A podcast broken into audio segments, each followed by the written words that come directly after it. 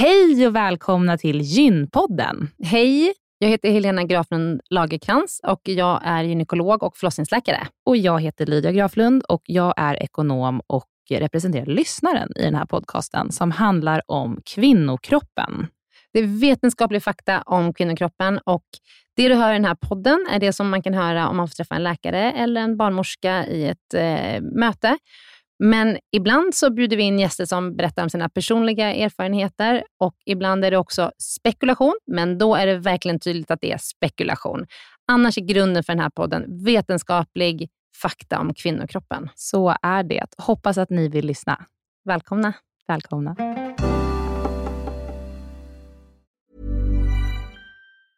There's never been a faster or easier way to start your weight loss journey than with PlushCare. PlushCare accepts most insurance plans and gives you online access to board-certified physicians who can prescribe FDA-approved weight loss medications like Wigovi and Zepbound for those who qualify. Take charge of your health and speak with a board-certified physician about a weight loss plan that's right for you. Get started today at plushcare.com slash weight loss. That's plushcare.com slash weight loss. plushcare.com slash weight loss. Den här veckans avsnitt av Gynpodden är sponsrad av Ester Care. Och Helena, det är ju det bolaget, vårdbolaget, som du och jag har varit med och startat, där vi erbjuder digitala vårdmöten med specialister inom kvinnovård. Precis. Och vi vet att det är väldigt mycket vårdpersonal som lyssnar på Gynpodden, vilket vi är jätteglada för. Och vi behöver alltid fler gynekologer till STKR. Så därför vill vi nu göra en shout-out till alla er som lyssnar där ute som vill vara med och förändra svensk kvinnovård. Vi söker specialister inom gynekologi, men också ST-läkare som har kommit en bit in i sin ST och som vill arbeta digitalt eh, med handledning på, hos oss på STKR. Mm. Och precis som det är för våra patienter som kan söka vård hos oss, det vill säga att de kan bo vart som helst i landet eftersom vi är digitala. Om man laddar ner appen och så bokar man ett vårdmöte, så kan ju även läkaren bo vart som helst i landet eller flytta under tiden man jobbar hos oss. Det är ju väldigt, väldigt flexibelt eftersom eh, man jobbar hemifrån. Och Jag tänker att det måste ju också vara helt underbart att som läkare kunna arbeta hemifrån och planera sin egen tid några dagar i veckan. Ja, verkligen. Och samtidigt vara med och förändra kvinnovården med kollegor som är otroligt drivna och engagerade. Det är jätteroligt att jobba på SDKR. Och jag tycker att det här är en häftig grej som vi gör just nu, att vi erbjuder gyn, äh, gynvård i hela landet. Och vilka är de vanligaste patientmötena du tar, Helena? Ja, men det är ju klimakteriet, eh, PMS, eh, mensbesvär. Och det är ju såklart Eh, ärenden och eh, diagnoser som går att hantera digitalt. Men vi remitterar också vidare när det behövs. Mm. Eh, och tar labbprover när det behövs mm. och så vidare. Mm. Så gå in på sdcare.com, klicka på jobba hos oss i menyn för att läsa mer och skicka in en ansökan. Tack så mycket. Tack och välkomna.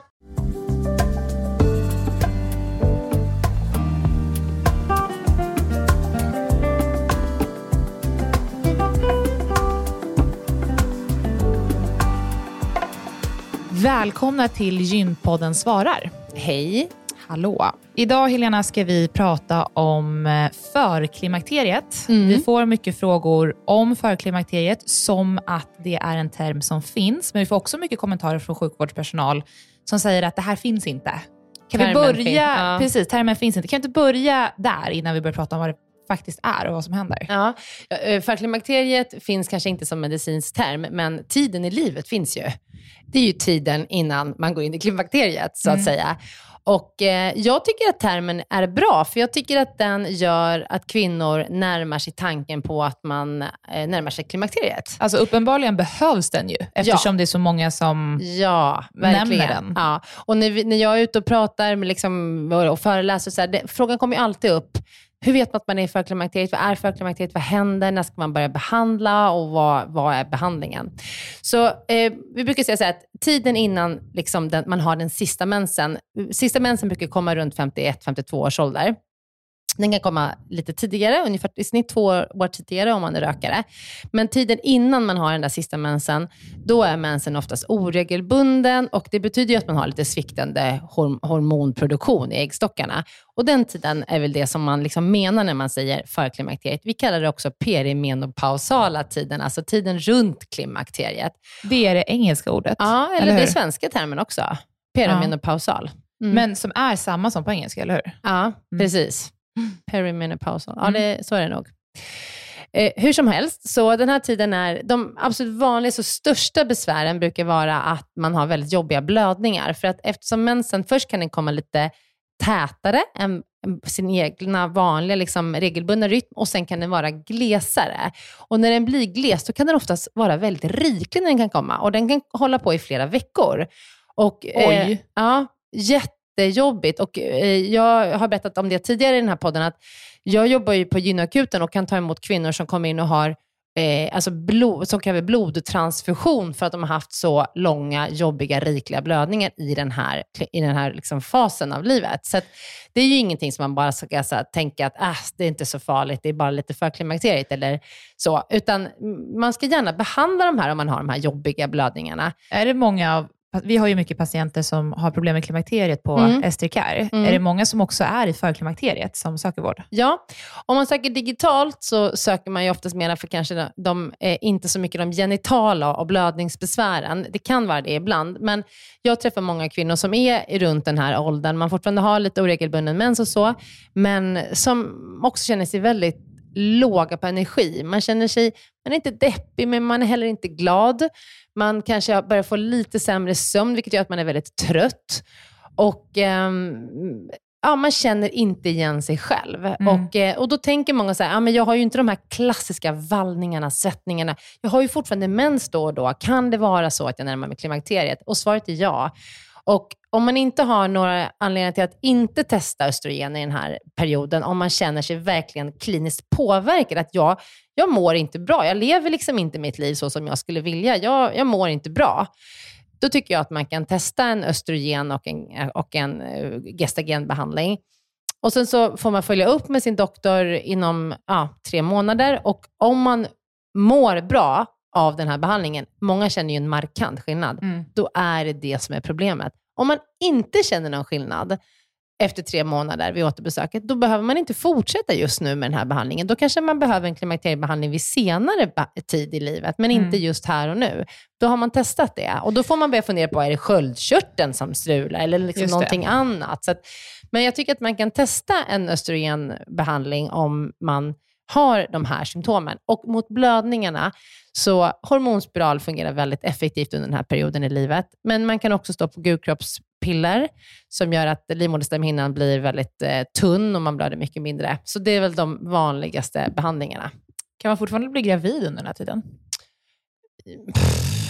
Ja, det händer väl, men det är ju mycket svårare. Mm. För, att det, för man är de, inte i klimakteriet än. Men... Nej, man har ju fortfarande kanske någon enstaka ägglossning här och där, men vi vet ju att äggkvaliteten blir ju kraftigt försämrad. Mm. Och man ska ju ha, om man nu säger att man ska ha tur eller man ska ha otur, liksom, beroende på vilken mm. kvinna man har framför sig, om man blir gravid i den här perioden. Mm. Men inte väldigt för tid. Men det är klart att någon gång kanske man har en ägglossning och eh, är det ett bra ägg så är det klart att man kan bli gravid.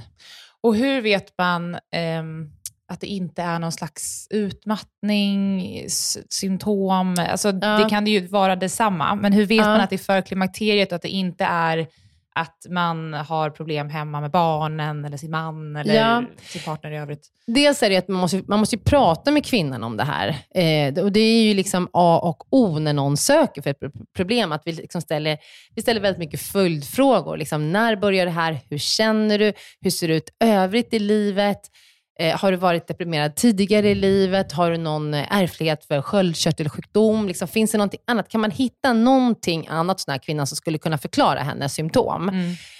Um, är det PMS? En del har också väldigt jobbig PMS eh, ja. i, efter 40. Liksom, För det känns ju som att det nästan kan sammanfalla med någon slags medelålderskris. Ja. Men medelålderskrisen kanske är för klimakteriet. Ja, kanske. Hos en del är det säkert det. Att ja. man bara känner sig väldigt låg på energi. Men det är det som jag menar också, att om man, har, om man då kommer fram till att det, det, vi hittar liksom ingenting annat som skulle kunna vara förklaringen här och nu, men låt oss testa en behandling. Mm. Men blir den inte bra så ska man inte sen stå kvar på den behandlingen, utan blir det inte en förändring, då måste man leta vidare. Mm. Men eh, jag tycker inte att det är fel att testa.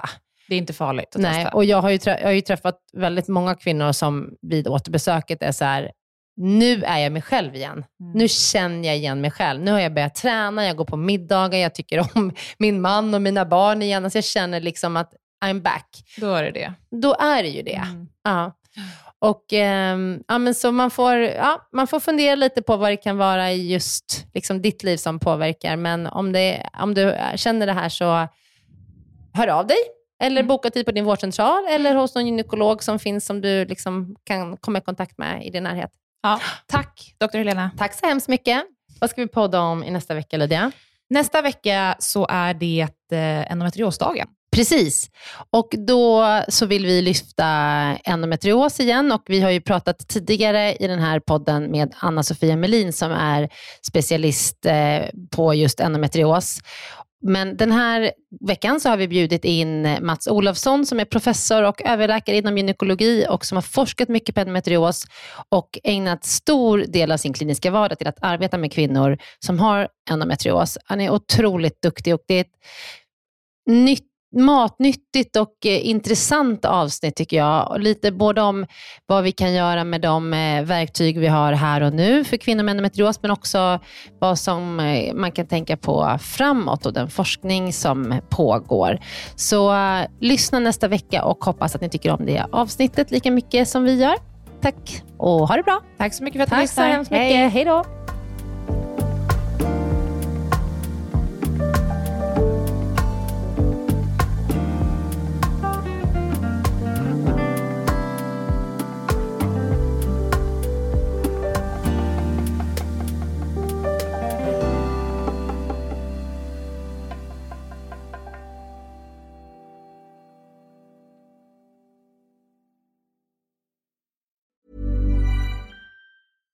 Mom deserves the best, and there's no better place to shop for Mother's Day than Whole Foods Market. They're your destination for unbeatable savings, from premium gifts to show-stopping flowers and irresistible desserts. Start by saving 33% with Prime on all body care and candles. Then get a 15-stem bunch of tulips for just $9.99 each with Prime. Round out Mom's menu with festive rosé, irresistible berry chantilly cake, and more special treats. Come celebrate Mother's Day at Whole Foods Market.